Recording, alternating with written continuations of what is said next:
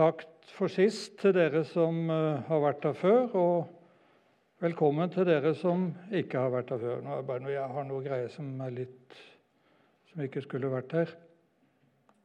Der forsvant det. Vi skal i dag ja, vi skal begynne med det bildet som dere som har vært her før, har sett mange ganger, om Paulus. Og vi skal i dag snakke om eh, ja, noe i dag òg. Spørs om jeg har vett til å slutte, da. Før da jeg var ung, så skjønte jeg ikke hvordan folk kunne holde på så lenge. Nå er det motsatt. Da er det trøbbel med å bli ferdig. Sånn er det. Vi skal snakke om det som ofte blir kalt for fangenskapsbrevene. Når Paulus uh, satt i sitt første fangenskap i Roma og skrev noen brev. Og så er det det vi skal snakke om i dag. Det blir ikke så mye sånn teologi. Det har Dere som har vært der før, har skjønt at det er ikke mye av det jeg driver på med.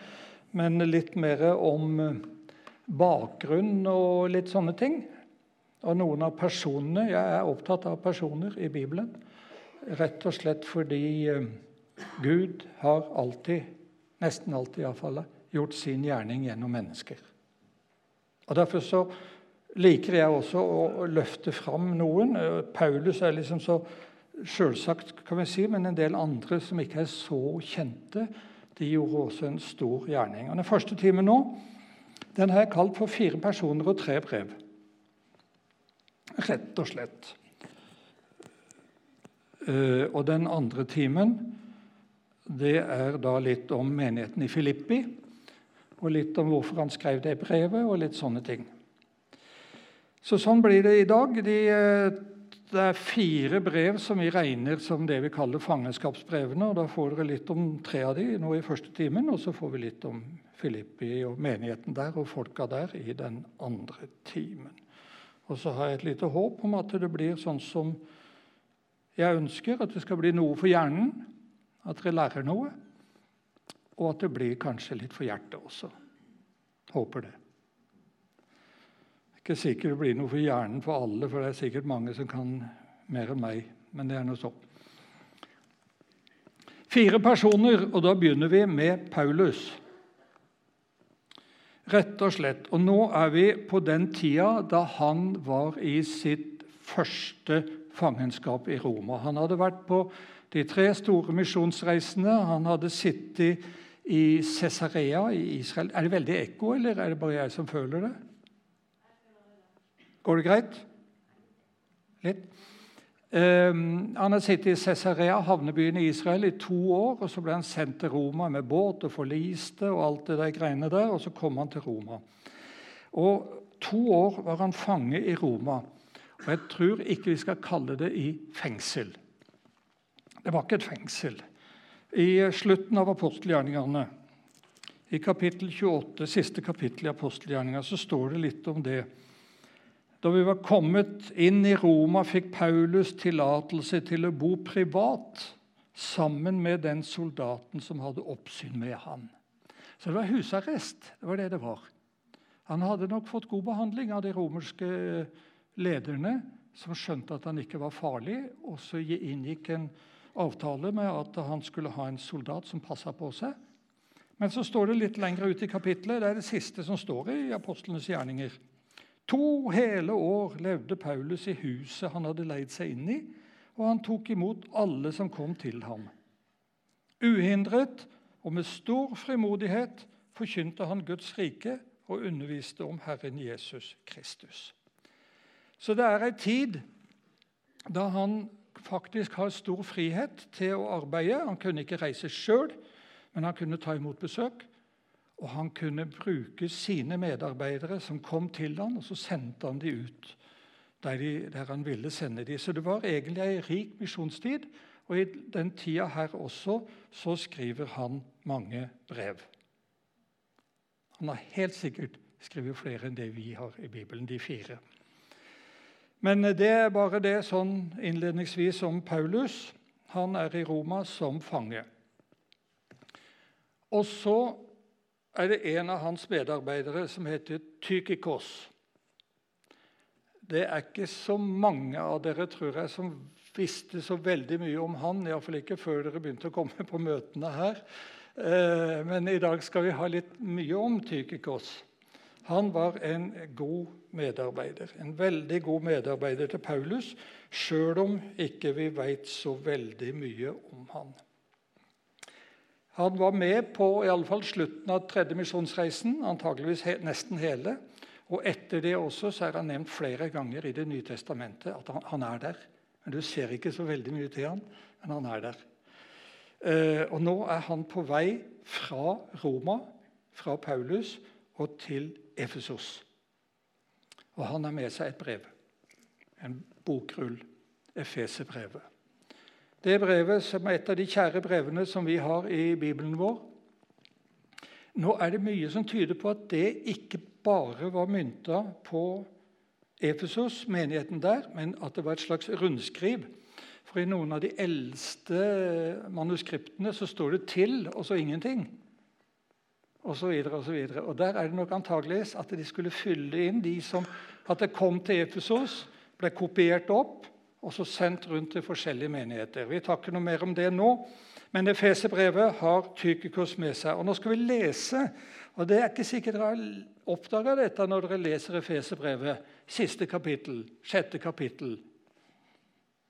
Skal vi lese litt derfra nå? Tykikos skal fortelle dere alt, så også dere får vite hvordan jeg har det, og hvordan det står til med meg. Og så er det jeg som har utøva med rødt, altså. Han er vår kjære bror og han er en trofast tjener i Herren. Jeg sender ham jo til dere for at dere skal få høre hvordan det er med oss, og for at han skal gi dere nytt mot i hjertet. Jeg syns det er så flott vitnesbyrd om en medarbeider som nå er på den lange reisen til Efesus. Og så står det på slutten av brevet der at han er en kjær kristen bror. Og han er trofast tjener i Herren. Han hadde altså tjent Jesus og tjent Paulus i lange tider når dette her ble skrevet. Og så blir han sendt, og hvorfor blir han sendt? Jo, én ting for å overlevere brevet, det er nå én ting. Men han skal også sette mot i de kristne i Efesus som kanskje nå var litt deppa og litt fortvilt, og Paulus som sitter i fangenskap først der og så der osv. Hva med oss? Hva blir det med oss? Og så videre. Han skal sette mot. Han er en sånn De fins de finnes i vår tid òg, de som klarer å sette imot i mennesker som er litt nedfor.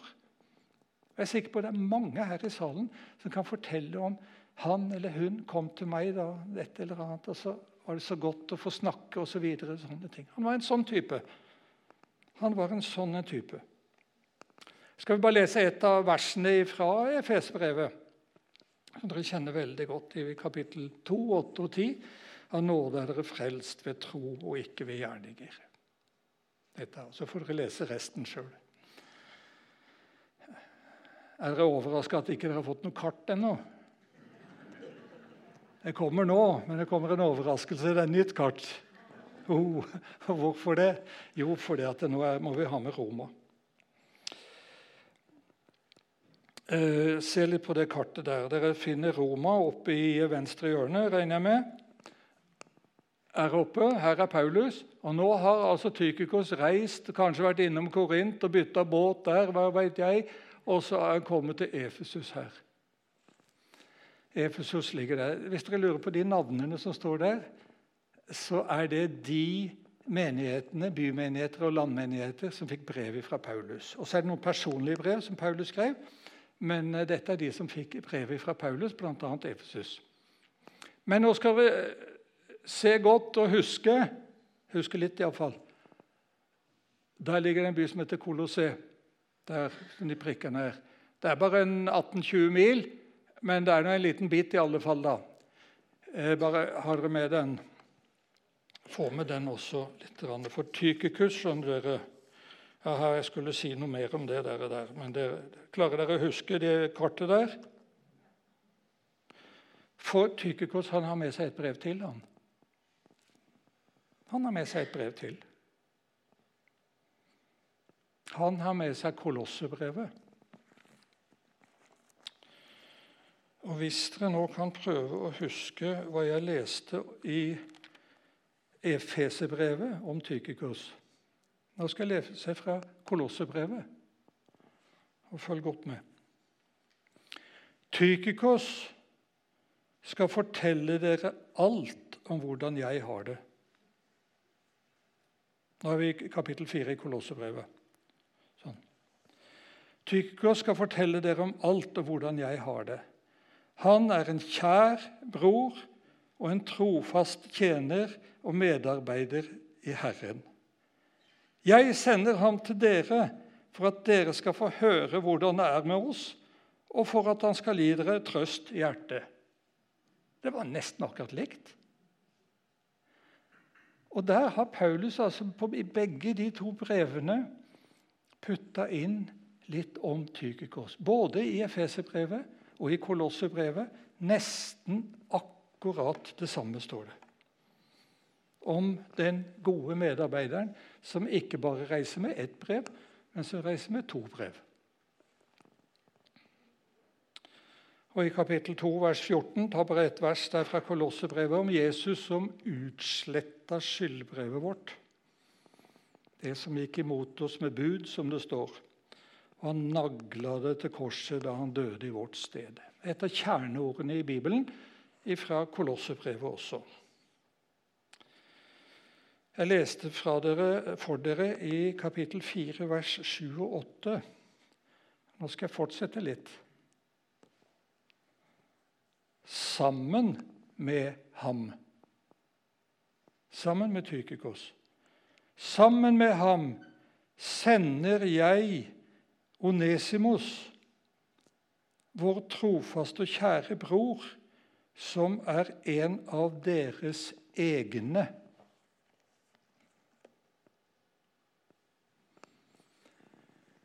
Han reiser ikke alene. Han har med seg en kar som heter Onesimus. Som er en av deres egne, står det i Kolossebrevet. I den 88-utgaven står det 'som er fra deres by'. Og de skal fortelle dere alt åssen vi har det, både Tykikos og Onesimus. De skal fortelle dere alt. Og Nå er vi kommet til person nummer tre. Onesimus. Hvor er han ifra? Jo, han er fra Colosset. Og han skal hjem. Han skal hjem. Og hvorfor? Hvem var han, og hvorfor skal han nå hjem til Colosseum? Onesimus har også med seg et brev. En liten bokrull. Han har med seg brevet til Filemon. Og Hvis dere ser nøye etter, så har han én bokrull i hånda, sier han. Han har med seg et brev, han også, som han skal ta med seg til Kolosseum, og som han skal gi til Filemon. Og hvem var Filemon, da?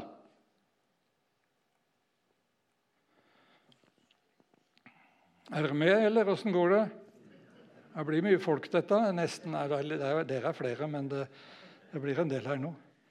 Filemon, skjønner dere, han var en rik mann i Kolossean. Han var en rik mann. Men hvorfor skulle Onesimus hjem til denne rike mannen?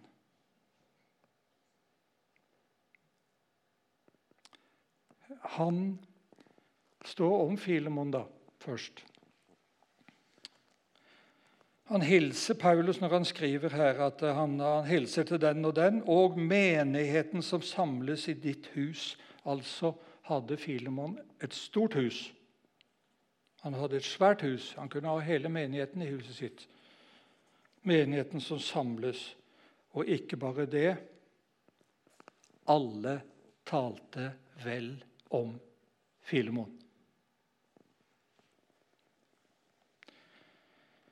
Jeg takker alltid min Gud når jeg husker på deg i mine bønner. For jeg hører om kjærligheten du har til alle de hellige, står det. Den rike mannen tok seg ikke bare av de rike, han tok seg av alle. Og hører om den kjærligheten du har til alle de hellige. Og så hopper jeg litt ned. Din kjærlighet har vært til stor glede og oppmuntring for meg. For takket være deg, bror, er de hellige ved godt mot. Filemon var en kjernekar som alle talte vel om. Nå er jeg snart ferdig med innledningen, og nå skal vi ha litt repetisjon. Det har dere sett. Det kartet, det har dere sett. Og så har vi Ja, der skal dere skal får dere se der oppe, for nå kommer det håper jeg kommer et bilde. Der er han som sitter i Roma og skriver. Og så var det Tykikos. Han er kommet dit, til Efesus. Han har litt for mange brev i hånda der, men glem det, da. Og så er han ikke helt aleine, men han har med seg en som heter Onesimus. Og de to de skal til Kolossé, og de skal treffe en kar som heter Filemon. Nå begynner vi på skal vi litt dypere inn. Hva er forbindelsen mellom Onesimus og Filemon? Den er viktig, og mange av dere vet det. Forbindelsen mellom Onesimus og Filemon den er veldig spesiell. Onesimus han er slaven til Filemon trellen. Nå diskuterer de om vi skal bruke slave eller trell osv. Her er det i alle fall slave. Det er helt sikkert. Ja. Og så, da? Så har Onesimut stjålet Stjålet, sier jeg, men det er i grunnen det samme. Så har han stjålet et eller annet ifra Filemon. Vi vet ikke hva. Men vi kan bare tenke oss det har noe med gull og sølv og penger å gjøre. Og så har han rømt. Og med lommene fulle av penger og sølv og gull, hvor gjør du av det når du skal gjemme det? Du springer ikke ut i ørkenen. Det er det dummeste du kan gjøre. det. Det er bare tull. det. Du finner den plassen der det er mest mulig folk og folkestimmel. For da kan du gjemme deg bort. Og så har ganske sikkert Onesimus klart på en eller annen måte å komme seg av gårde sjøl om han er slave, for han hadde penger. Og så har han gjemt seg i verdens hovedstad i Roma.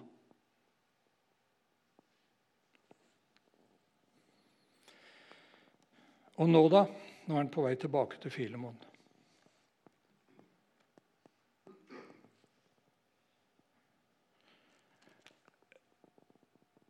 Nå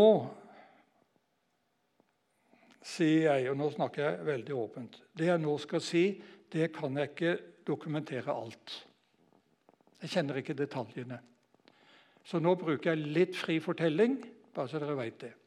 Men om ikke detaljene stemmer, så er jeg helt sikker på at jeg vet hva det viktigste av det jeg skal si her nå, er.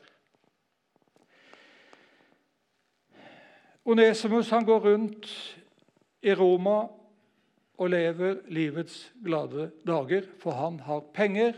Har du penger, så har du venner.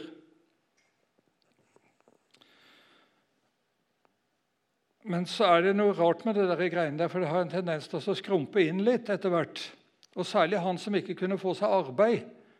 Han som var en slave, han kunne ikke få inntekt.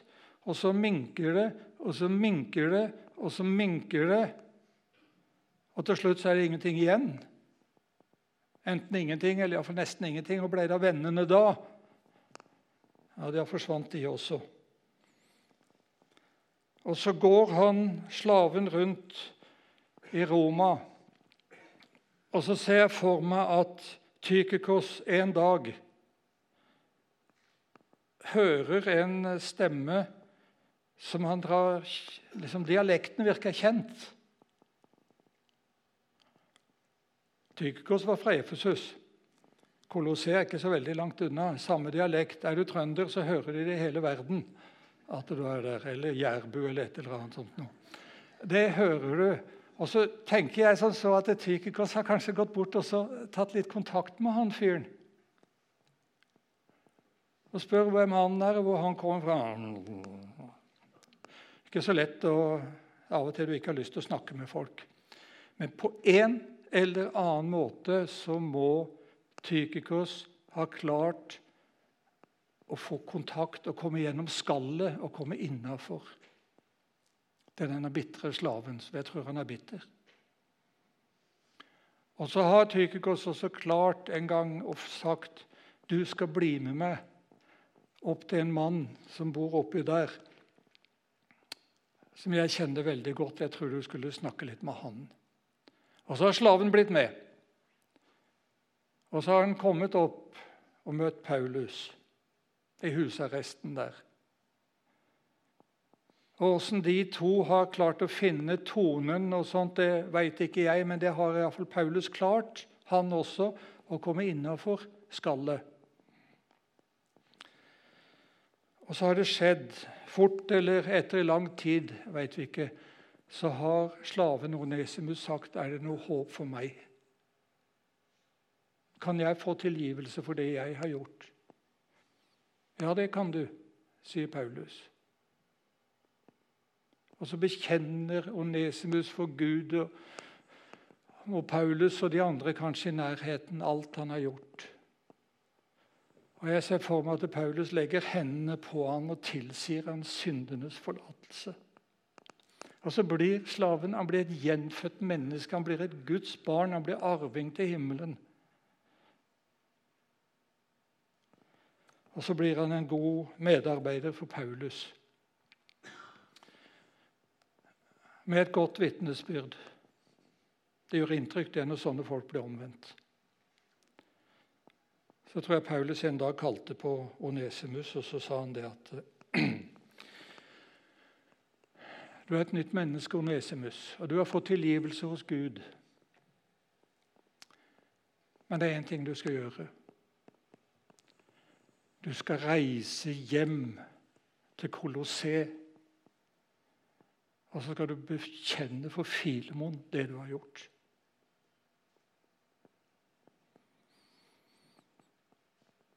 Det kan jeg ikke. Jeg tør ikke. Filemon kan gjøre hva han vil med meg. Jeg har ingen rettigheter. Hvem er jeg? som kommer hjem og sier 'Hei, Filemon'. Skjønner du ikke dette, Paulus? Kan ikke. Så kaller uh, Paulus på Tykikos. Sett deg ned, Tykikos. Jeg har snakka med Filemon, nei, men, unnskyld, Onesimus. Og du vet at jeg mener han skal reise hjem og bekjenne. Men han, han tør ikke. Han klarer det ikke. Han er redd. Og det skal vi forstå. Tykikos, kan du bli med han? Kan du bli med han? Det er langt. Det er langt fra Roma til Colosseum. Ja, jeg veit det. Men uh, han trenger det. Tykikos, han trenger deg.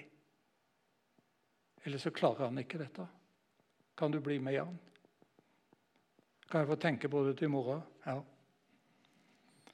Dagen etter så kommer Tykikos og sier 'jeg blir med'.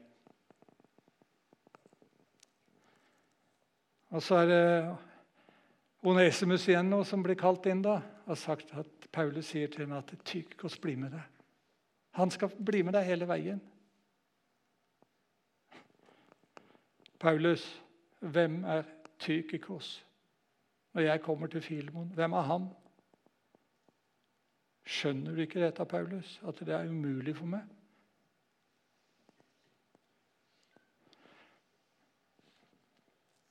Jeg skal skrive et brev som du tar med. Jeg skal skrive et brev til Filemon, og så tar du med deg det brevet også. Og så reiser du og Tykikos den lange veien. Du må det. Og så blir det sånn. Og Så reiser de på båt, og så kommer de til Efesos, og så går de i land.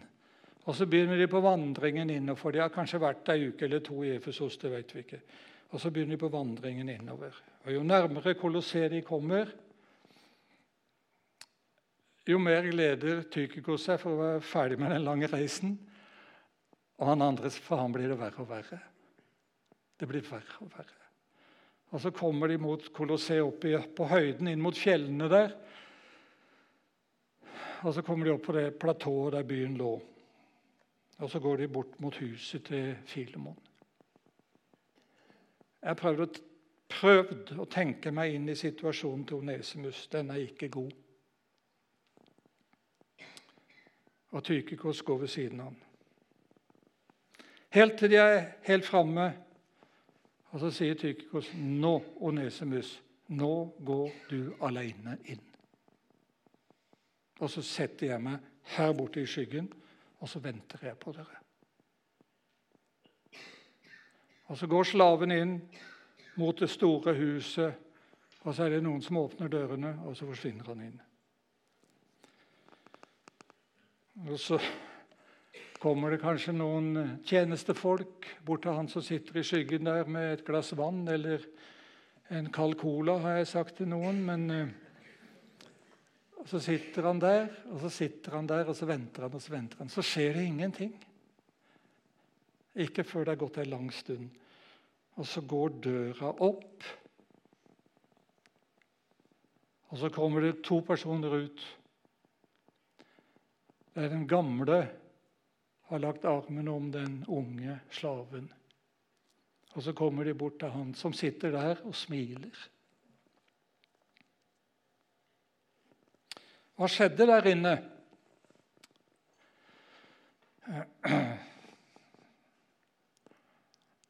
Det har jeg spurt elever om på Drottningborg. De fleste bare glor på meg. Men det er noen som begynner å tenke litt. Hva må ha skjedd der inne? Helt sikkert. Helt sikkert.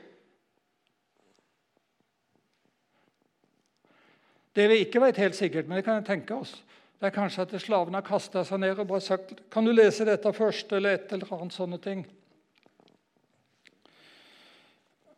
Men det som er helt sikkert, at det er det som har skjedd der inne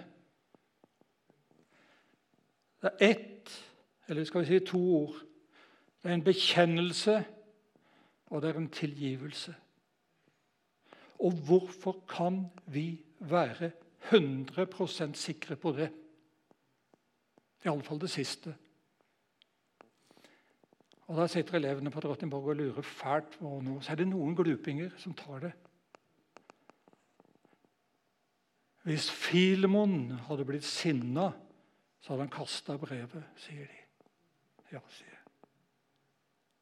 Hvis Filemon hadde blitt rasende på han som ligger på gulvet der Sånn.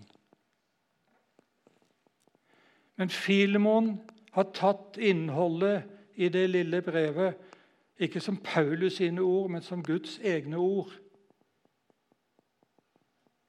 Og så er det brevet gjemt, og så er det i vår bibel i dag. Som kanskje det aller mest personlige brevet ved siden av andre Timotus-brev. Som Paulus har skrevet, det lille brevet der. Og så ble det Guds ord til Filemon. Helt sikkert. Helt sikkert. Det trenger vi ikke lure på.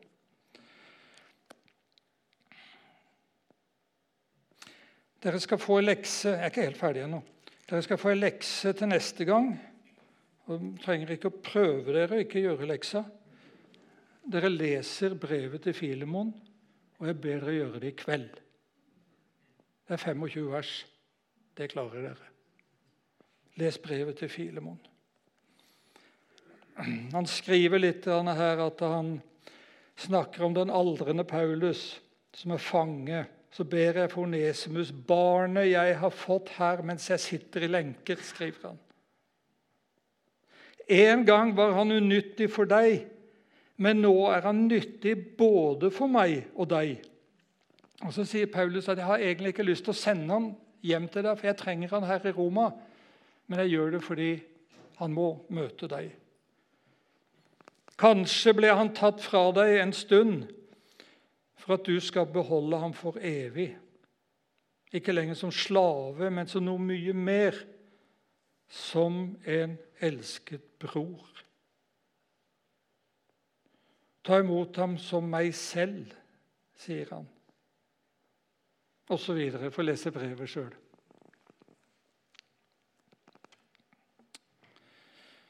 Budskapet i brevet til Filemon er veldig enkelt.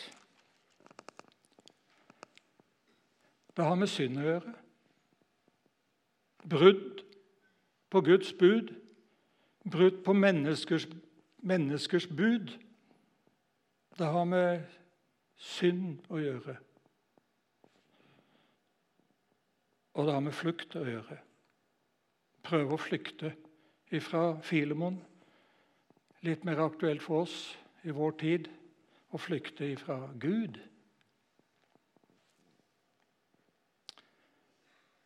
Så må det komme en bekjennelse. Og så må det komme et oppgjør. Og så er det tilgivelse. Hva er dette for noe? Det er evangeliet. Det er evangeliet, dette. Brevet til Filemon er det mest evangeliske brevet i hele Bibelen. Ikke ta den debatten der, men altså, dere skjønner hva jeg mener. Det er så konsentrert, og det er så knytta ikke til noen teorier, men til levd liv. Evangeliet.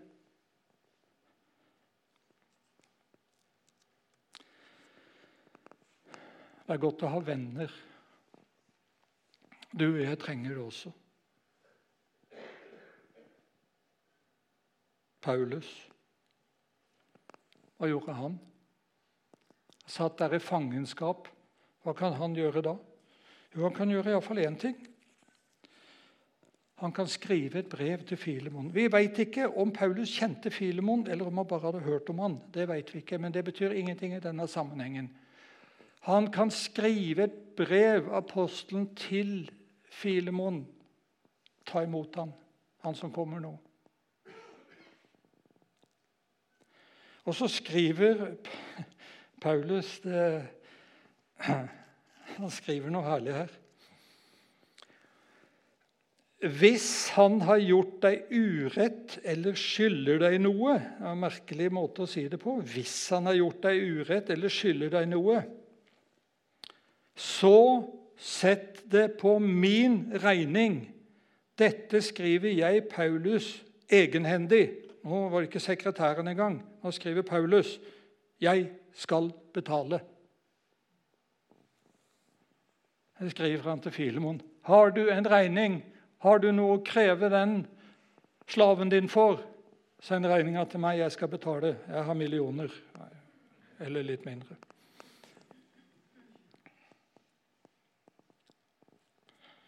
Tror dere regningen tror den kom? Jeg veit ikke noe. Jeg har mine tanker om det, at det ikke ble så mye ut av akkurat det, kanskje. Jeg skal gå litt ut, ut av det. Vi skal også Vi skal en dag møte Gud, alle sammen. Og vi står Vi er i gjeld. Vi ligger langt på underskudd overfor Gud. Og jeg veit at den dagen jeg skal møte Gud, så skal jeg ha med meg et brev. Og I det brevet så står det ikke 'jeg skal betale', men det står det 'jeg har betalt'. Det har Jesus sagt, og det har Paulus sagt om Jesus. Han utsletta skyldbrevet mot oss når han nagla det til korset. Det er betalt, og det skal jeg få lov å møte Gud med. Det er betalt, alt sammen. Dette opplevde Onesimus på det menneskelige plan. og sikkert også, og også på det åndelige plan. Og vi skal få møte Gud med et brev fra han som er større enn Paulus, fra han som ga livet sitt for meg. Og han sa 'Jeg har betalt alt'. Det er evangeliet, det òg. Og så fikk Onesimus en venn, Tykikos. Vi Nå skal jeg være forsiktig med Jeg får si 'vi'. Jeg må passe munnen min litt. Ikke misforstå meg nå, ikke misforstå meg, men mange forkynnere står på en talerstol og peker på veien tilbake til Gud. Peker på veien til Jesus. Det er helt rett, ikke misforstå meg her nå. Det var ikke nok å peke på veien for eh, Onesimus. Han visste veien.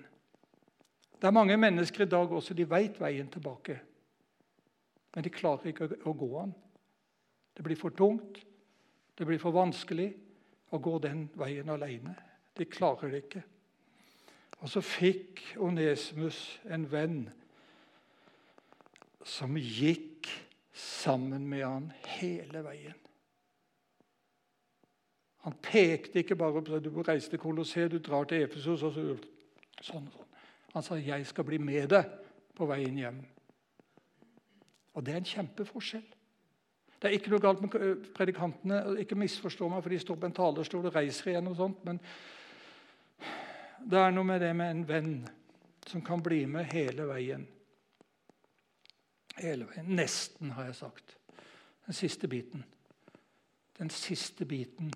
Da må hver enkelt av oss gå sjøl. Den aller siste biten valget om å gå helt fram. Det må vi ta.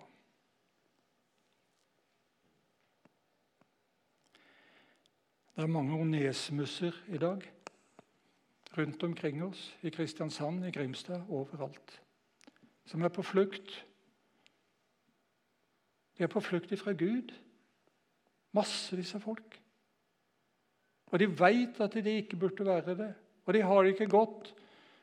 Onesimus havna i grisebingen, sånn som han som Jesus forteller om også, som satt til slutt bare i grisebingen.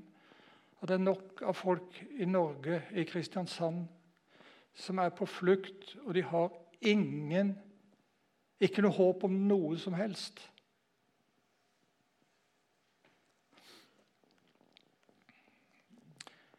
Det var Tykikos som fulgte han helt hjem. Og vi trenger så mange tykikoser fra Etiopia. To minutter igjen. Du sa litt for mye til å begynne med. Etiopia. Min, de første periodene vi hadde der ute, vekkelsen inn i Soldam og alt dette greiene her Jeg tror nesten ikke det var en eneste søndag uten at det kom noen som ville tro på Jesus, bekjenne at de ville tro på Jesus. Det var helt enormt. Men hva var det som hadde skjedd med de fleste av de? Jo, det var naboer, andre mennesker, kanskje slektninger som hadde snakka med dem osv. Og, så videre, og fikk de med til kirka. og Det var stort sett på søndager det skjedde dette. Og Så kommer det stappfullt av folk, og så blir det innbydelse. Er det noen som vil bekjenne Jesu navn i dag? Og Det var alltid noen. Da kommer ikke slektningene fram. Da måtte de gå sjøl den siste biten fram til evangelisten.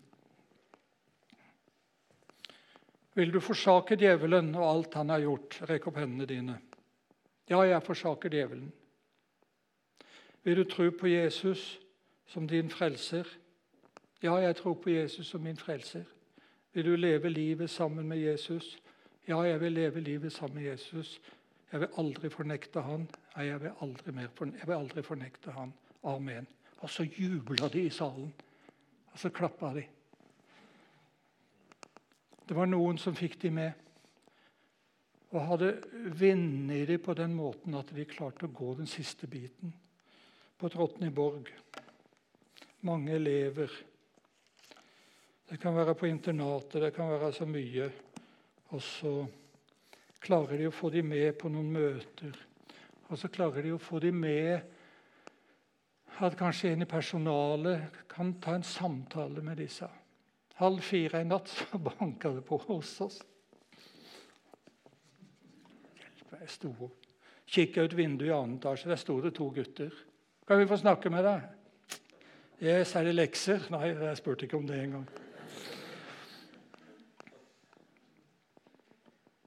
Og så er det den ene som fører ordet først, og så skal jeg gjøre det kort. Han sier på han Han uh, hadde bestemt seg for å ta livet sitt. Og tilfeldigvis, sier han, så kom jeg inn på rommet hans litt før. Og så ble vi sittende og snakke. Og så sa jeg til han, sa han at uh, vi går ned til Randestad. De brukte etternavnet mitt den gangen. Vi går ned til Randestad. Han har sikkert greie på sånn sjølmord, sa, sa han. Så kom de ned, og så satt vi til det lysna. Det var en Tykikos som brydde seg om han som hadde det forferdelig vanskelig. Han visste han hadde det vanskelig, han visste ikke at han hadde det så vanskelig. Og Han så på det som en Guds ledelse at han tilfeldigvis, lenge etter råsignal, gikk inn på rommet hans. Så begynner de å snakke litt sammen, og så sier han kom, vi går til en som kanskje kan snakke på en litt annen måte enn jeg kan, sier han.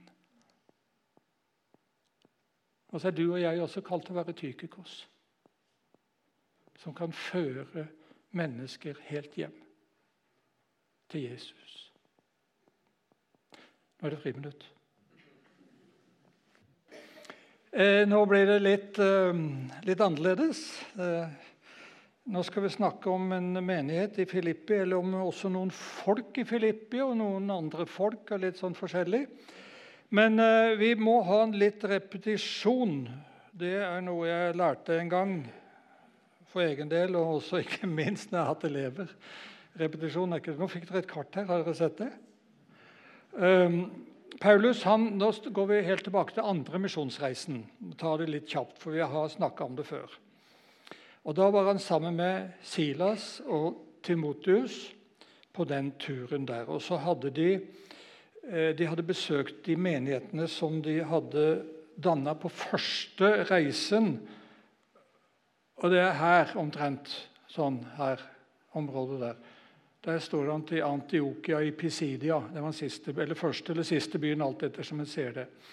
På andre misjonsreisen, når Paulus var kommet hit omtrent, så er det tydelig at han har tenkt seg til Efesus. Eh, Apostelgjerningen kapittel 16 så står det litt om det, og så står det det at Den hellige ånd hindra dem. Og så måtte de ta og legge reiseruta annerledes. Det er ikke forklart, men det er en del teorier som vi hopper over nå. Og Så måtte de reise de nordover, og så til slutt så havna de der, i Troas. Og Der skjer det noe. De dro gjennom Galatia-landet og kom til havnebyen Troas. Og der har dere det som dere har der. Når de er der i Troas, den havnebyen. Kan godt se der, de som vil det. Eh, så står det en natt så hadde Paulus et syn. Og Da er det en mann fra andre sida, her borte, Makedonia, som roper 'Kom over og hjelp oss'. Og så ble det et kall, et kall for Paulus. Se måtte jo begynne å forberede denne preka her i stad med sånn å finne fram.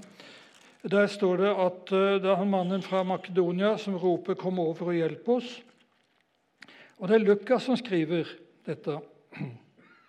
Nei, hjelpe meg. Sånn. Um,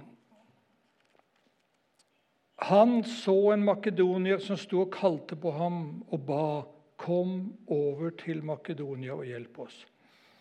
Da han, Paulus, hadde hatt dette synet, forsøkte vi straks å komme til Makedonia, for vi skjønte at Gud hadde kalt oss til å forkynne evangeliet der.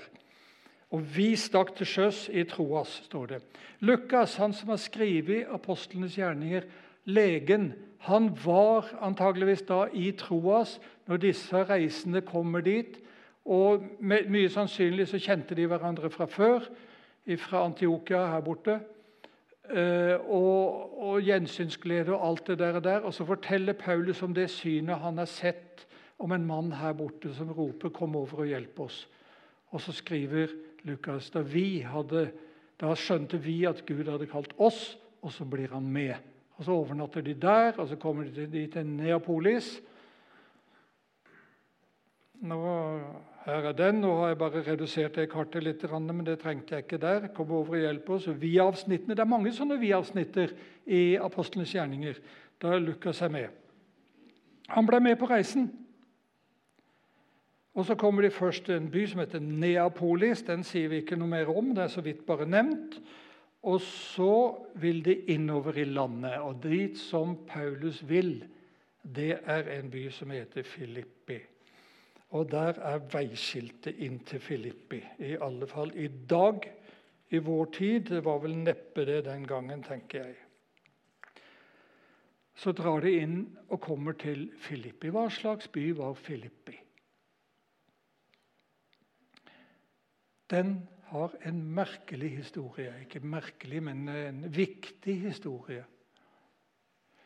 Vi skal gå langt tilbake, nesten 100 år før Paulus. I år 42 før Kristus så ble et av oldtidens kanskje det aller største, og i alle fall det aller viktigste slaget sto rett utafor Filippi by, på jordene utover eh, der, der. Og hva slags slag var det?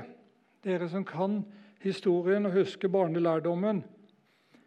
År 42 før Kristus, to år tidligere, år 44 før Kristus.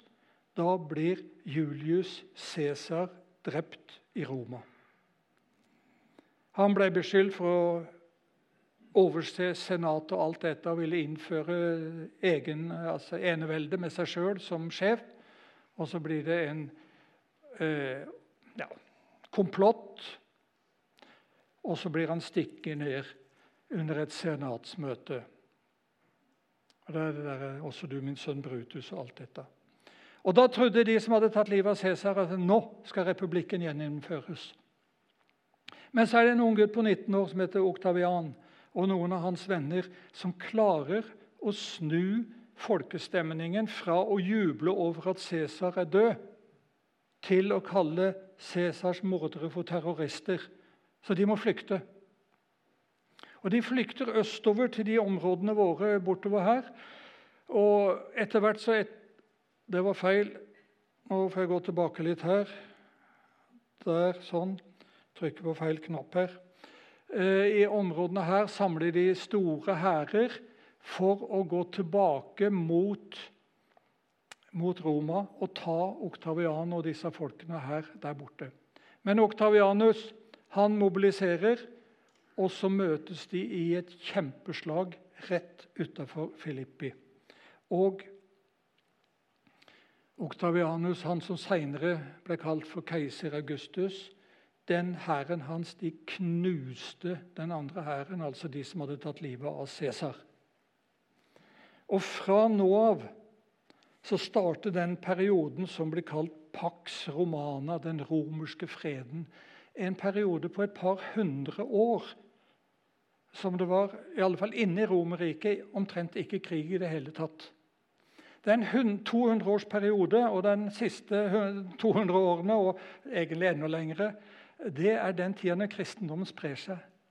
Det står noe i Galaterbrevet 4 i tidens fylde sendte Gud sin sønn osv. Det har noe kanskje med det å gjøre. Det har aldri vært, iallfall ikke før og ikke etter heller, så lang fredsperiode i et så stort område, og evangeliet kunne spre seg innenfor det romerske riket fordi det var fred. Og den Pax Romana. Men så var med den hæren som nå har knust fiendene jo, da sier Augustus Oktavianus så sier han at legg ned våpnene, jeg har ikke bruk for mer enn en liten hær. Og her er det masse land, og så her kan dere slå dere ned. Her kan dere slå dere ned. Og så fikk de romerske soldatene land der rundt Filippi. Det er svære jorder og områder der som de slo seg ned og danna sitt samfunn. Og 100 år nesten etterpå så er det etterkommerne etter disse, etter de romerske soldatene, som er hovedbefolkningen i Filippi. De er egentlig romere. De er ikke grekere. altså Det er innblanding for all del, men uh, i løpet av en så lang tid. Men de er romerske uh, folk mer enn de er grekere. Og Det er litt viktig, for det som vi skal snakke om nå, det er at vi må ikke tenke på Filippi som en typisk gresk by. Den var ikke det. Den var egentlig en romersk by. Du kan si Alle byene var romerske, ja, men det var gresk befolkning i de fleste byene. I, fall i de områdene der. Men ikke i Filippi. Der var de romere, de fleste av dem. Og så pleide Paulus alltid å begynne i synagogen. Alltid begynte han i synagogen, unntatt i Filippi. Fordi det var ikke jøder i Filippi. Det var iallfall ikke nok jøder. Eh, hvis det er ti eh, jødiske familier, så skal de ha en synagoge. Og det var ingen synagoge i Filippi. Nei vel? Eh, hva gjør vi da? Lukas han forteller hva de gjorde. På sabbatsdagen så gikk vi utenfor byporten til en elv hvor vi mente det var et bønnested. Det hadde de hørt om. Og der møter de noen kvinner. Der er det noen kvinner som var samla.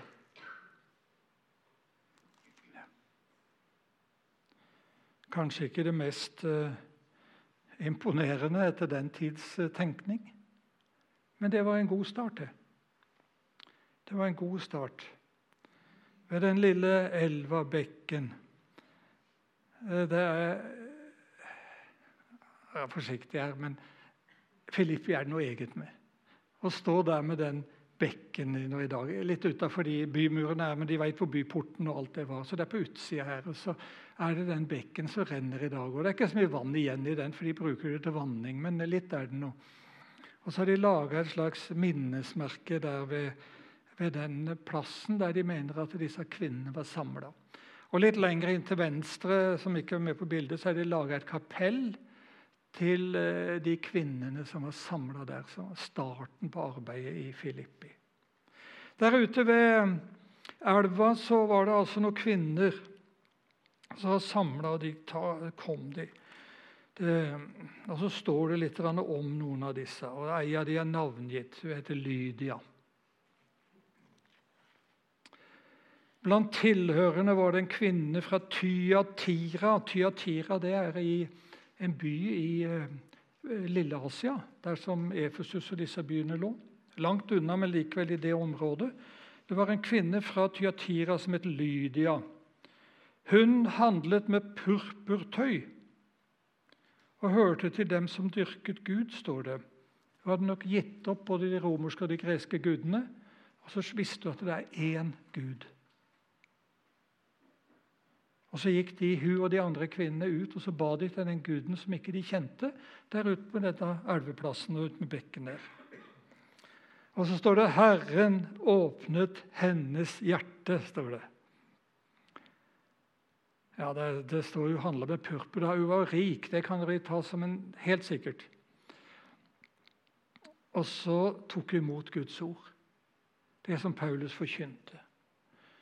Herren åpnet hennes hjerte, så hun tok til seg det Paulus sa. Og så blir hun døpt, Lydia. Med hele sitt hus, står det.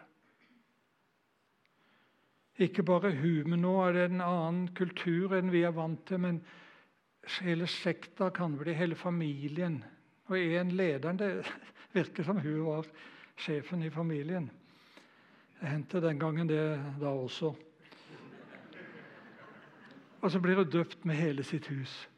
Og så ikke bare det, skjønner dere. Eh, det også sa hun til oss, skriver Lukas. Kom og bo i hjemmet mitt, så sant dere mener at jeg tror på Herren. Og Jeg ser for meg Lukas og Paulus og de sier nei, dette er, det er for galt. Vi er fire. Paulus, Lukas, Silas, Timotus. Fire mannfolk som skal bo der. Hallo. Nei da, vi har det fint der vi bor i byen. Vi. Det lusete hotellet der nede, der skal ikke dere bo. Dere kommer og bor hjemme hos meg. Det står det. Nødet dem, står det. Hun overtalte de. De har sikkert prøvd den ene unnskyldningen etter den andre. En dame hun sier, 'Dere kommer til meg'. Og da ble det sånn. Her, og det er også, Hun hadde plass, helt sikkert hun hadde stor plass, så de kunne komme til henne. Og det måtte jo være herlig for dem å få lov til å komme til den plassen der. Hun overtalte dem. Ja, så langt, og så ble det bråk. Det ble alltid bråk med Paulus. Det pleide å bli bråk i synagogen. Det ble det ikke, for det, der var det ikke noe synagoge, men det ble bråk likevel. Og nå er det mange av dere som vet hvem det er. Det var ei stakkars jente, ei slavejente, som hadde en spådomsånd. Det står faktisk på, på gresk Hun hadde en pytonånd, står det. Pnevma pytona, står det helt direkte. En pytonånd, en ond ånd, hadde hun. Og så kunne hun spå folk om framtida. Og de som eide henne, selvfølgelig, de tjente penger som gress på den stakkars jenta. Og de tjente sikkert penger som gress på andre ting med hun også. Det vet ikke vi noe om. Og Så begynner hun jenta å følge etter dem når de går til dette stedet utenfor elva der. Og så roper hun til disse tjenens eneste sanne Gud og alt dette. roper Hver gang de går. Og Paulus han blir lei av det. Og Så snur han seg mot henne og så sier han at du onde ånd far ut av henne, og så gjør den det. Og Så ser jeg for meg Jeg har sett ikke mye, men litt besettelse i Etiopia. Plutselig så er de normale igjen. Jeg ser for meg at hun jenta også var det. Og Da skulle en tro at eh, alle sammen ble glade og takka Gud for det. Nei, de gjorde ikke det. For der røyk fortjenesten. Der røyk fortjenesten til de som eide henne. De ble rasende på han fyren som hadde drevet ut den onde ånda. Og Så drar de Paulus og de andre inn til byen for dommerne i byen. Og så anklager de Paulus og Silas og Lukas og Timotus, sikkert alle, men mest Paulus og Silas. De anklager de, og de har tre anklager mot de der inne i byen. Den første anklagen er at de er bråkmakere og kommer og setter byen opp på alt mulig og gjør spetakkel med de folka der. Og så kommer det en mye verre anklage. De er jøder. Noe. De er jøder! Og Du kjenner liksom gufset i hele Filippi by. altså for å høre at de er jøder. Det var noe av det verste du kunne si, antakeligvis. Og så har de enda en anklage. De forkynner skikker som vi romere ikke har lov til å følge, står det. Der kommer det. Bobler det opp, det romerske. De forkynner ting som vi ikke har lov til å gjøre. Om det er keiserdyrkelse eller hva det er, det står det ikke noe mer om. Men i alle fall, de har forkynt noe som de romerske borgerne blir støtt av. Og hva blir resultatet? Jo, dommerne i byen sier de skal piskes. Setter i gang, og så pisker de. Og etterpå så hiver de de i fengsel. Det gikk litt eh, fort, akkurat det der, men de gjorde noe sånn da, den gangen. Der har vi en her Agora, torget i Filippi by, sånn det ser ut i dag. Nå er det bare ruiner. Dette er en kirke som ble bygd mye seinere. Det er også ruiner og en del her. Men det der torget der er intakt sånn i dag. Og dere ser den trappa der. Eh, husk på den og for akkurat den lille firkanten der. Det snakket vi om når det gjaldt Korint. at De hadde en offentlig talerstol som heter Bema. at det der han Gallio i Korint eh, sa at han ville ikke dømme Paulus for noen religiøse greier. Her har vi Beman i Filippi. og Det er den svære romerske hovedveien via Ignatia, som gikk rett gjennom byen. Kunne ikke vært mer sentralt. Og Bare pga. den trappa, den er ny. Men altså her nå skal vi få et litt mer nærbilde av det.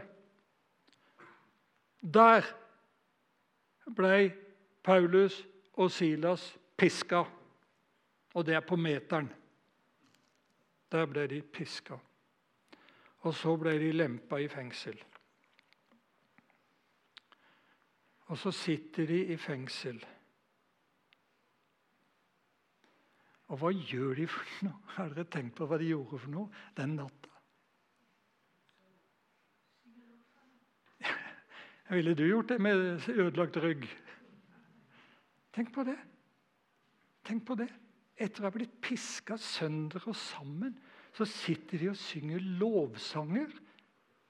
Og hva de takka Gud for Jeg begriper det ikke, men det må være et eller annet. Og så sitter fangene og så hører, og så, og så de, skjer det noe den natta. Det derre store jordskjelvet. Det er ikke så vanskelig å tenke seg jordskjelv i det. Det, er, det, var også grunnen til at Filippi noen hundre år seinere ble forlatt. Det var pga. jordskjelv. Og Så kommer det et jordskjelv den natta, og så Dørene til fengselet det ramler sammen, og hele greiene. Og han stakkars fangevokteren som sitter der og ante ingenting og har hørt denne sangen eh, der inne.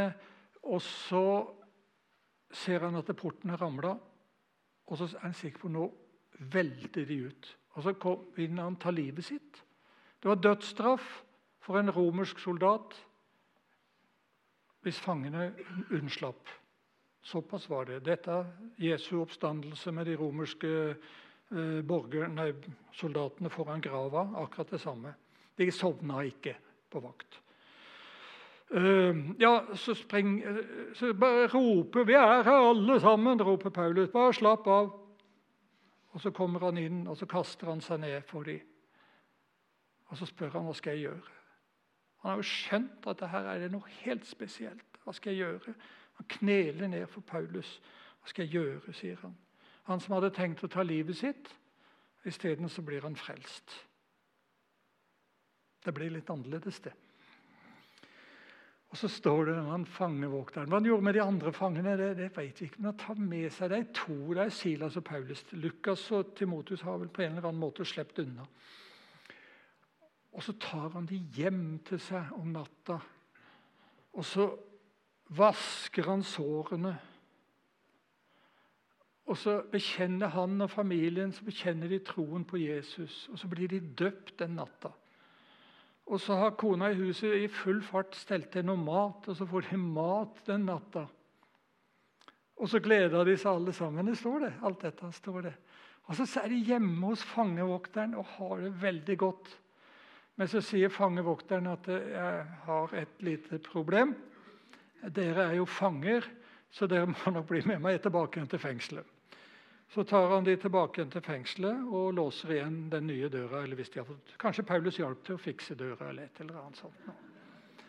Og så sitter de der inne. Det er så herlig. Og så kommer vi til neste dag. Da har nok disse dommerne i byen skjønt at eh, det var litt eh, Det gikk litt, for, litt fort for seg den dagen i forveien der. Så de sender en fyr fra byen, fra torket der, og så sier du du går til fengselet med ordre fra oss og sier til fangevokteren at han skal løslate mennene. Og Så hører Paulus det, at de skal få lov til å bli løslatt. Og så sier han nei takk, sier han. Den går ikke. Vi vi er romerske borgere. Og de fyrene der inne i byen skal ikke slippe så lett unna. Du som er sendebud, gå tilbake til dommerne og sjefene i byen og si det at de har piska romerske borgere og fengsla dem uten lov og uten noe dom. De kan sjøl komme her, legge seg ned og be om unnskyldning. De hadde ikke noe valg. De var nødt til det. De var nødt til det. Og så kommer disse myndighetspersonene, og så beklager de alt. Og så kan dere være så snill å reise, sier de. Kan dere være så snill å forlate Filippi? Det blir så mye bråk. Og Vi vet vi, ja, ja, det er vår feil og alt det der, men vær så snill og reis. Ja, sier Paulus. Ja, jeg skal gjøre det. Men ikke så veldig, ikke så veldig fort. Jeg har noe jeg skal ordne først, sier han. Jeg skal nok reise, men eh, dere får bare være tålmodige. Da de var ute av fengselet, gikk de hjem til Lydia. Og Der var menigheten samla. Her traff de søsknene. står det står for brødrene, men nå heter det søsknene. Og de satte mot i dem. Og så ser jeg for meg så har de et møte Da blir det lovsang. Møte hjemme hos Lydia i stua hennes med alle de som sikkert har vært og bedt og bedt og bedt om at noe skal skje, og så har det skjedd, og så kommer de her. Og så tenker jeg Lydia sier at på benken med dere, jeg skal stelle sårene deres. Og så plastrer og så har hun salve, og jeg vet ikke hva hun har for noe i huset. Men alt sammen, og Paulus sier vi har god tid, sier han. Nå må de der inne bare synge videre, osv., osv. Det er ingen som tør å røre han, men så reiser de til slutt. Så reiser de til slutt. Det står at de satte mot i dem.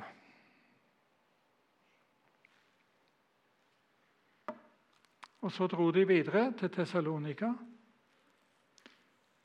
Men hvem var det som ikke ble med til Tessalonika? Det vet vi. For nå heter det ikke 'vi, vi' lenger, men nå heter det 'de, de'. Og det betyr at Lukas ble igjen i Filippi. Når de andre reiste videre til Tessalonika, så er Lukas igjen planta av Paulus. 'Lukas, du blir her.' Ta deg av de nye kristne. Gi dem opplæring osv. osv.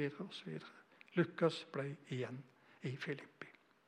Nå skal vi gjøre et kjempehopp. Mange år. Nå er vi på slutten av den tredje misjonsreisen. Og Da hadde Paulus vært tilbake i sendemenigheten. Han hadde vært i Efesos i nesten tre år. Vi snakker kanskje om fem år eller noe sånt nå, etter at han hadde vært i Efesus. Nå er Paulus han har vært i Efesus i nesten tre år, og nå er det problemer i Korint. Det snakket vi om sist gang, for de av dere som husker det. Og Han har sendt første korinterbrev til dem, et eh, ganske tøft brev snakket litt om det også sist gang, for de av dere som husker det. Og så har han ikke bare sendt første korinterbrev, men han har sendt Timotus og han har sendt Titus, ryddeguttene. De som flere ganger blir sendt for å rydde opp, de har han også sendt til Korint. Og nå har Paulus bestemt seg for, nå, når han er ferdig i Efesus, nå vil han sjøl til Korint. Det han burde gjort, det var reist derfra. Dette andre misjonsreisen, så glem det. Men vil, vi ville tenke at han ville reist derfra og så komme til Korint. Nei, han gjør ikke det. Han gjør ikke det. Han sitter her og har vært lenge i Efesus, og så skal han til Korint. Men så sier han Hva med mine barn her oppe? Hva med de? Og så legger han fra Efesus for å komme til Korint, så legger han veien den veien.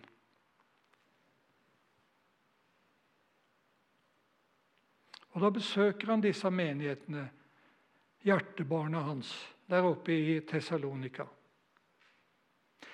Det kartet det er tredje misjonsreisen, altså etter Efesus. og Der ser dere forskjellen på den der borte. da. For da reiser han oppover og senere tilbake igjen. Men uh, tar han opp, og så besøker han de, og så kommer han til Makedonia igjen, Paulus. Og mens han er i Makedonia, på den reisen nå på vei til Korint, så skriver han andre korinterbrev mens han er i Makedonia. Og i kapittel 8 andre korinterbrev så forteller han om menighetene, de kristne, oppe i Makedonia. Han skriver til Korint og forteller om åssen det er oppe i Makedonia. Vi vil nå gjøre kjent for dere, søsken, hvor stor nåde Gud har vist menighetene i Makedonia, skriver han. Her oppe. Her et eller annet sted oppi her. Og Så begynner han å fortelle om en plan som han har hatt lenge. Paulus. Det er om å samle inn penger til de fattige i Jerusalem. Og Så kommer han her til Makedonia. Og de var villige til å gi, og de ba om å få bli. Ja, de ba osv. om å få være med og samle inn penger. De ba inntrengende om å få bli med på gaven og tjene de hellige sammen med oss.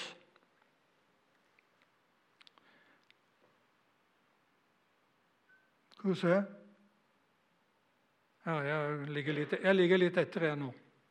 Nå er jeg her. Der. Han roser dem.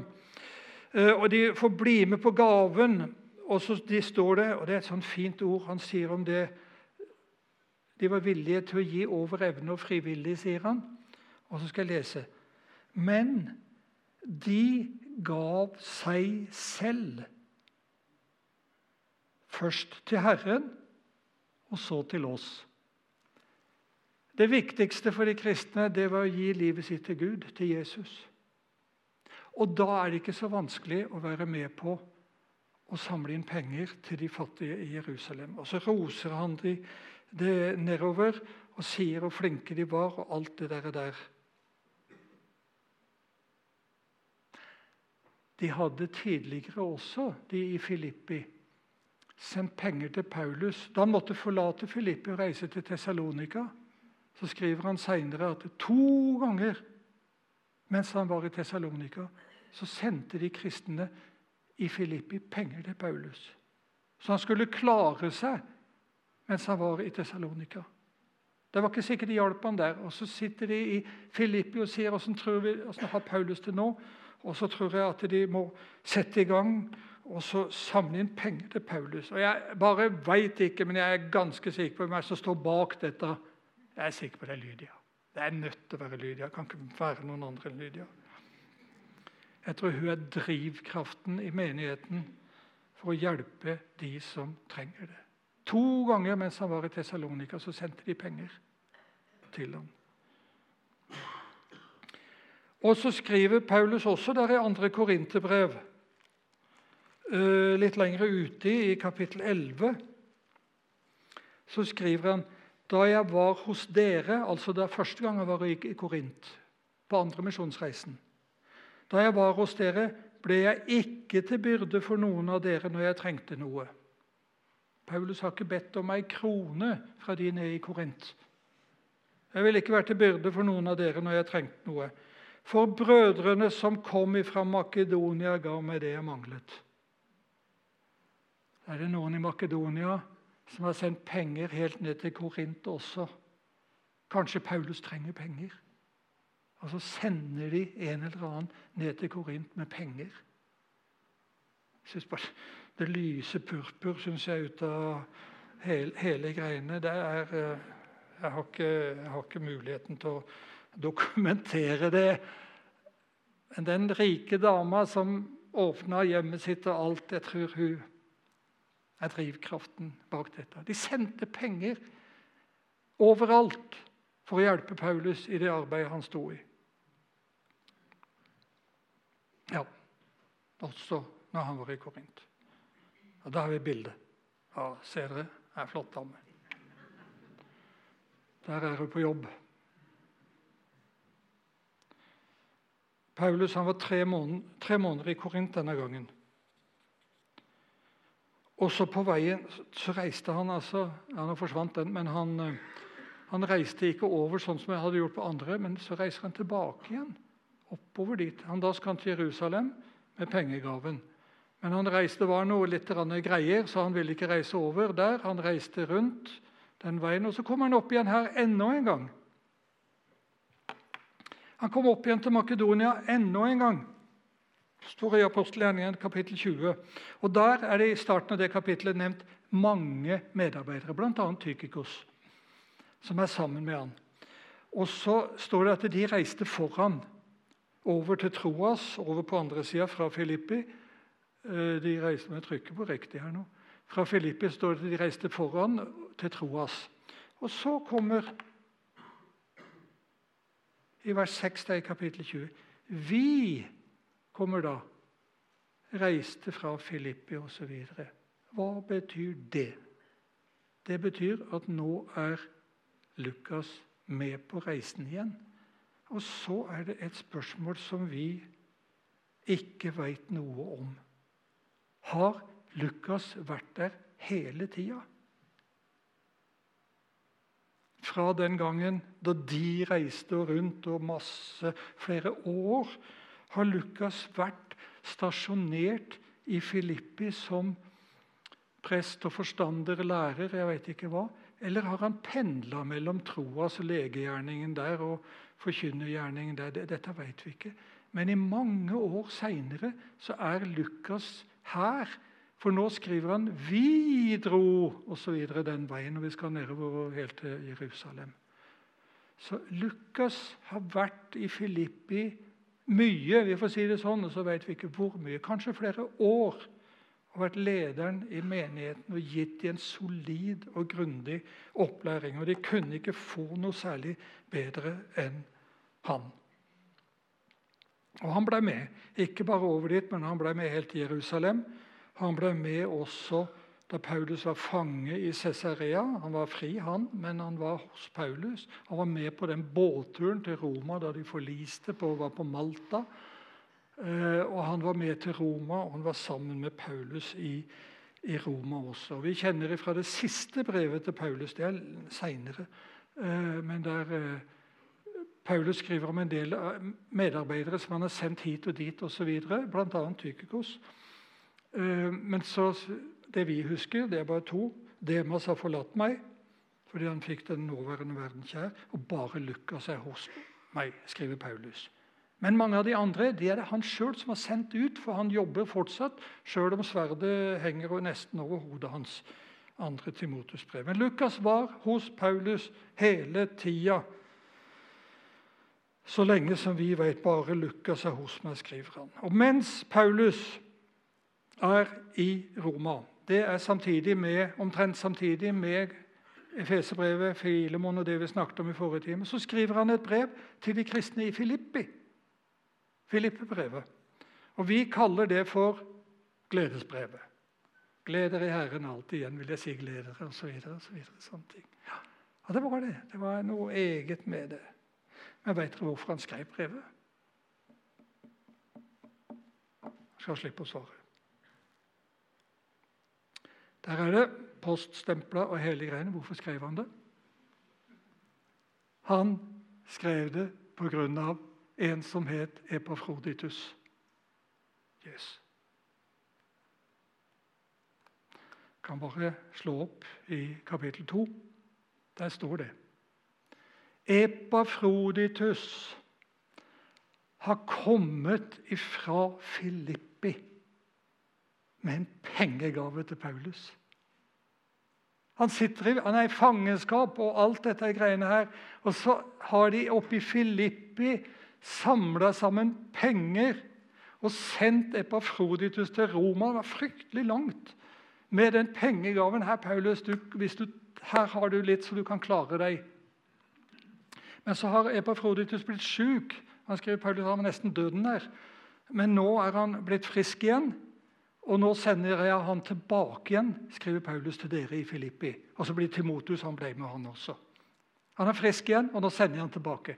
Og Da sier Paulus da er jeg nødt til å skrive brev og takke for den pengegaven som de har kommet med. Og Jeg skal lese litt fra kapittel 4, for der står det en del om dette. Det gleder meg stort i Herren at deres omsorg for meg nå skyter nye skudd.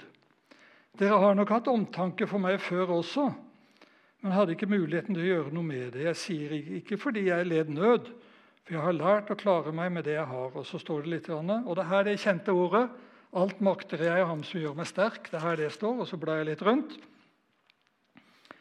Dere vet selv, filippere, at i den første tiden jeg forkynte evangeliet og hadde forlatt Makedonia, var dere den eneste menigheten som førte regnskap med meg over gitt og mottatt. Allerede da jeg var i Tessalonika, sendte dere meg både én og to ganger det jeg trengte. Og så sier han det er jo ikke gaven jeg er ute etter, men frukten av den. sier han.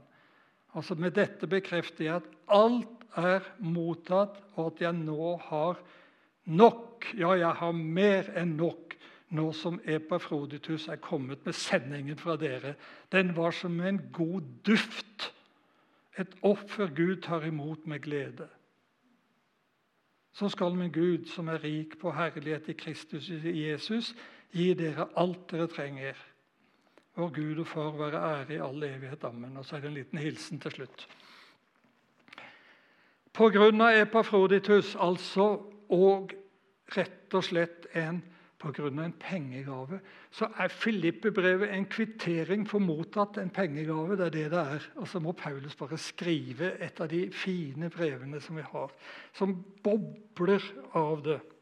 Og hva er det med menigheten i Filippi? Hva er det med de? De ga seg selv først til Herren. Og Derfor så var de villige til å gi til Guds rike.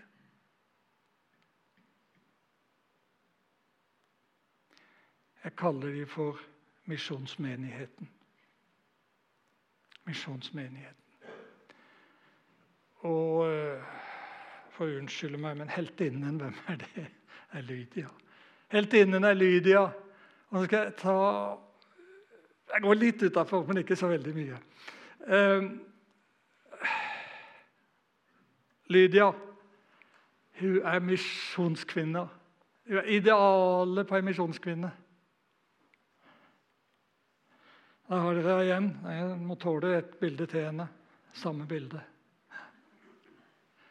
Hun åpna hjertet sitt for Herren og tok imot evangeliet.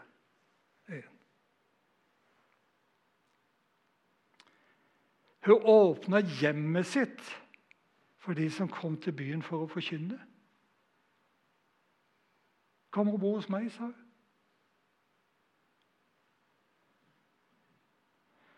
Hun åpna hjemmet sitt for de kristne i området. Etter det med fengsling og alt det, så går Paulus og de hjem til Lydia. Er hele menigheten samla. Alle de kristne i Filippi er samla hjemme i stua hos henne. Hun tok imot de kristne i hele området. Hun hadde plass til det, og hun tok imot de alle sammen. Og så sendte hun penger som underhold for misjonærene når de reiste fra by til by og var ute på tjeneste sendte de penger. Ja, hun var sikkert rik. Ja, hun var rik, det var hun sikkert, men hun ga likevel. Det er ikke alltid de rike gir så mye. Jeg tar en parentes her. Vi kom fra Etiopia. Det var En av guttene våre det var noe juleinnsamling på skolen. og De skulle gå i et eller annet sted og samle inn penger. Jeg vil ikke si hvor det var, men det var i Grimstad.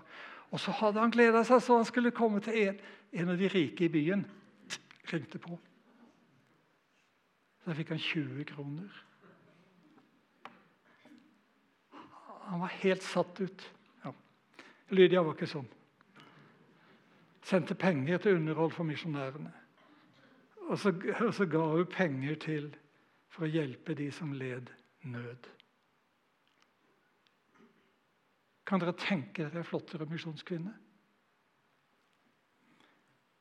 Misjonssambandet ble stifta pga. noen jenter i Bergen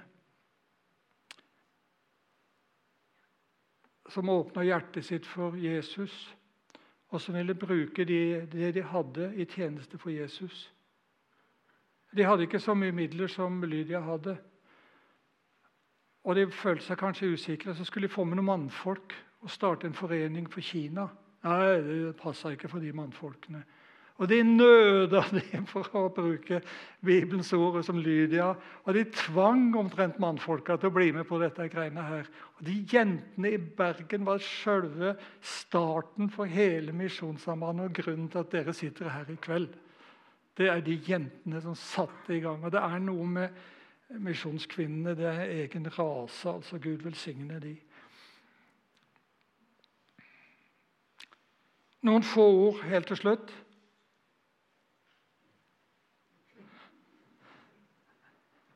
Noen av kjerneordene i Filippe-brevet. Gled dere i Herren. Igjen vil jeg si gled dere. La alt som bekymrer dere, komme fram for Gud i påkallelse og bønn med takksigelse. Det går an å takke og be samtidig. Jeg er trygg på, jeg er viss på, sto det gamle, jeg er trygg på at Han som begynte sin gode gjerning i dere, skal fullføre den helt til Jesu Kristi dag. Det blei et ord jeg fikk. Jeg var vel 15 år gammel og helt ny som kristen. Og det fikk jeg av en voksen leirleder eller et eller annet gruppeleder. Det har vært et av mine to-tre viktigste ord siden den gangen. Han sa det til rufsete 15-åring den gangen at jeg er trygg på han som begynte sin gode gjerning. Han skal fullføre den til Jesu Kristi dag.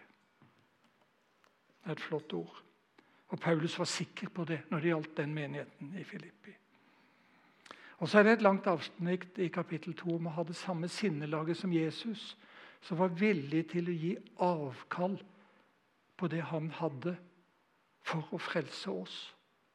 Og så sier Paulus ha det samme sinnelaget dere også.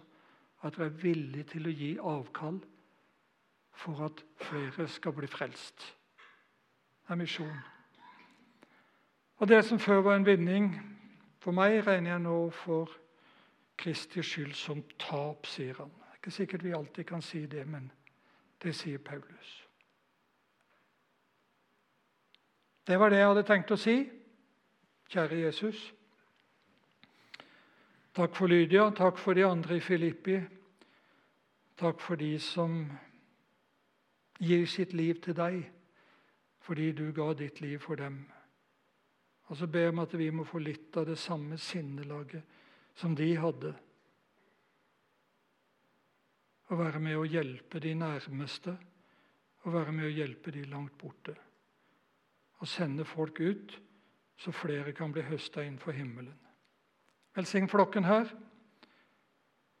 Jeg ber om at du må velsigne de rikt. Amen.